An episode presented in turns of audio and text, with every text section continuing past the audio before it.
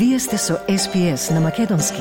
Слушнете повеќе прилози на sps.com.au козацрта на Седонин. Слушате SBS радио програма на македонски јазик. Јас сум Васе Коцев. Овој викенд започнува новата фудбалска сезона во Националната премиер лига на Викторија.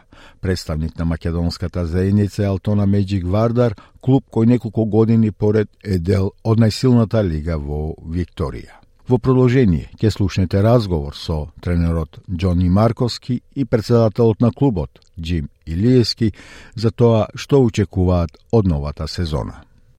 Вие сте со СПС на Македонски.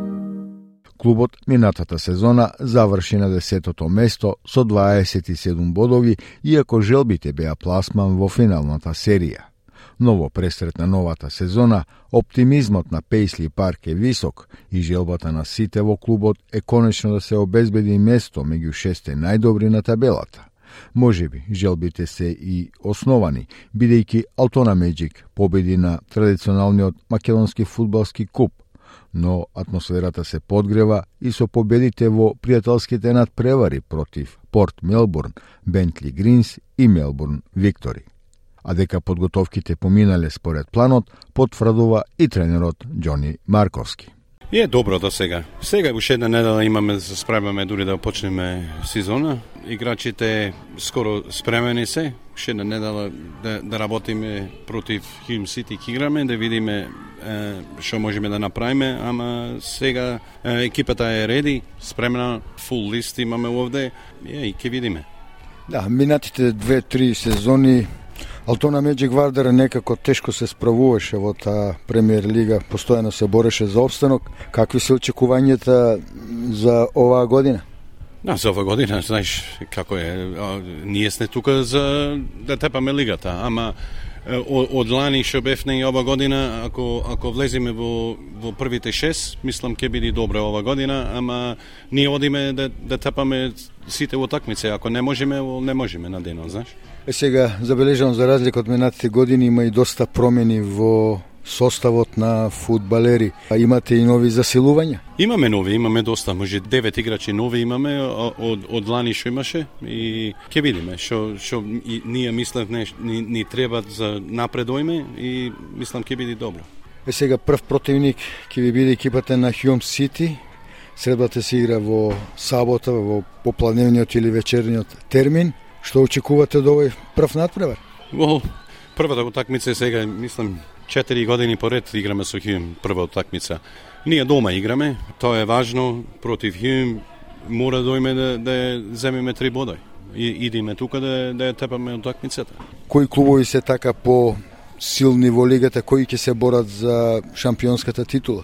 Сите се сите се борат за, за да влезат, ама за, за нас која екипа е проби Хюм, така со ними играме. Се не послен ова утакмица ќе видиме против кој играме, се не тие ќе бидат е, најглавни. Со кој ќе играме, тие ќе бидат е, стронг. Посакувам успешна сезона и влегување барем во оние шест кои ќе играат во на завршна финална фаза. Да, фала многу.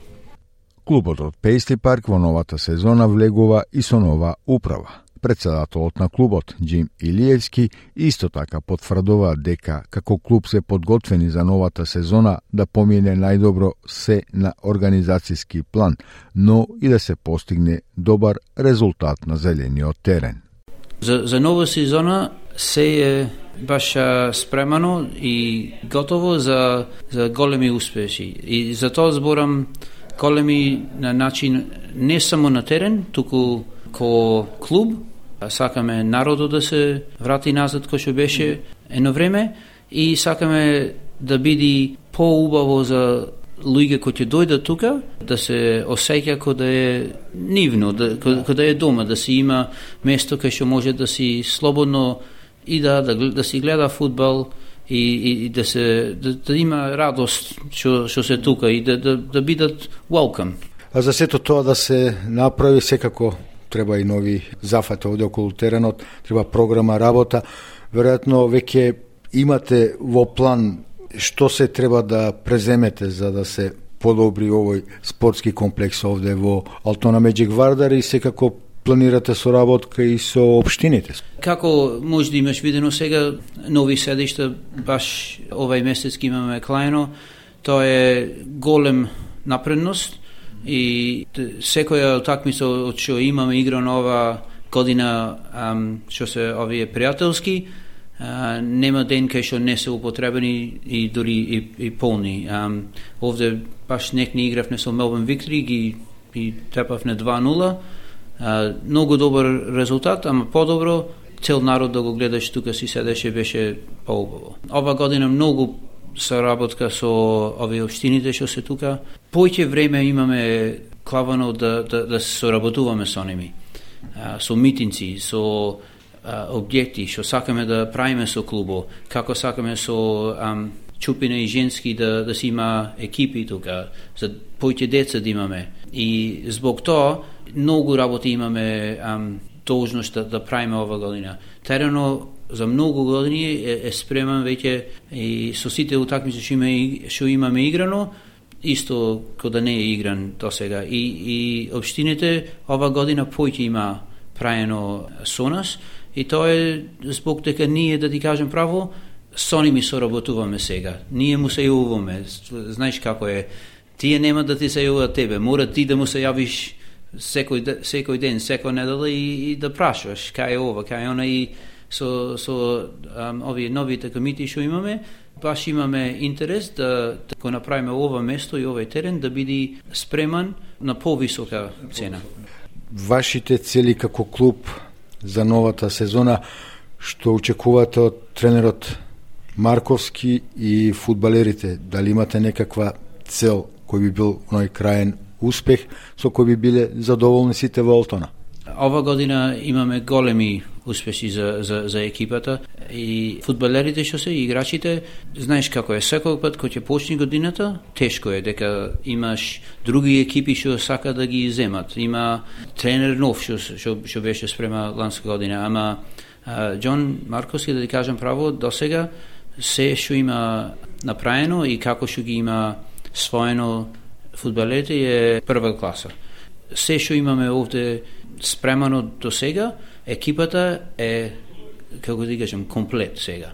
Имаме многу јака um, одбрана и дури со ова година имаме бајчки нови подпишани но, нови фудбалери и многу што се способни во, во функција. Не се, како да кажам, не се да речиме суперстарс. Имаме функции за ними и до ден денес сега се, се е супер и, и, и во ред. И, и со играчите се, кој ќе ги видиш паичкето, помлади играчи, млада екипа имаме освоена. Мислата не е само, како да кажам, за, за дене, за утре, туку е за друга година и појќе напред тоа. И сосема за крај би сакал да ја прашам, бидејќи забележав од минатите години дека Алтона Меджик Вардар се пријави во на Лига на Фудбалската федерација на Австралија што сака да ја формира на како втора национална лига, денови ве излегува и тие правила кои што клубовите кои се заинтересирани треба да ги исполнат, па ќе ве замолам како стои Алтона со оваа своја идеја, планирате сериозно да учествувате во таа нова лига? Како прво и прво, мислата ќе ми биде на клубо овде, да ти кажам право. За таа лига има многу услови што треба да се спремат. Алтона како фудбал клуб има таков способност. Ама способност не е само дали имаш добар терен. Треба да си имаш сопортери, треба да си имаш финанси. Има има многу работа и ако ако е гледам како што сте сега во овој ден, имаме Пајчки работа ние да правиме, ама прво и прво мислата да ти кажам право ми е да имаме македонски клуб во таа дивизија Ако е нас, добро, ако не е нас, ќе сопортираме секој македонски клуб што има таков способност и дури ако можеме, што поќе ќе правиме за, за тоа да биде. За, за наша простор, секогаш ќе, ќе, ќе гледаш се дали, дали си можност. Ама, кој ќе дојди време, ќе си направиш улука, прво и прво, кој што реков, мене би сакал да имаме македонски клуб во тоа, ќе ќе сопортираме се што кој што има таков способ. Господин Илиевски, благодарам за разговорот и многу успех да Алтона Меджик Вардар во престојната сезона во премиер Лигата на Викторија. Благодарам многу и поздрав до сите слушатели на SBS Radio и војно ги поканувам сите навивачи и љубители на фудбалот да дојдат и да навиват за Алтона Меджик Вардар. Вие сте со SPS на Македонски. Сакате ли да чуете повеќе прилози како овој? Слушате подкаст преку Apple Podcasts, Google Podcasts, Spotify или од каде и да ги добивате вашите подкасти.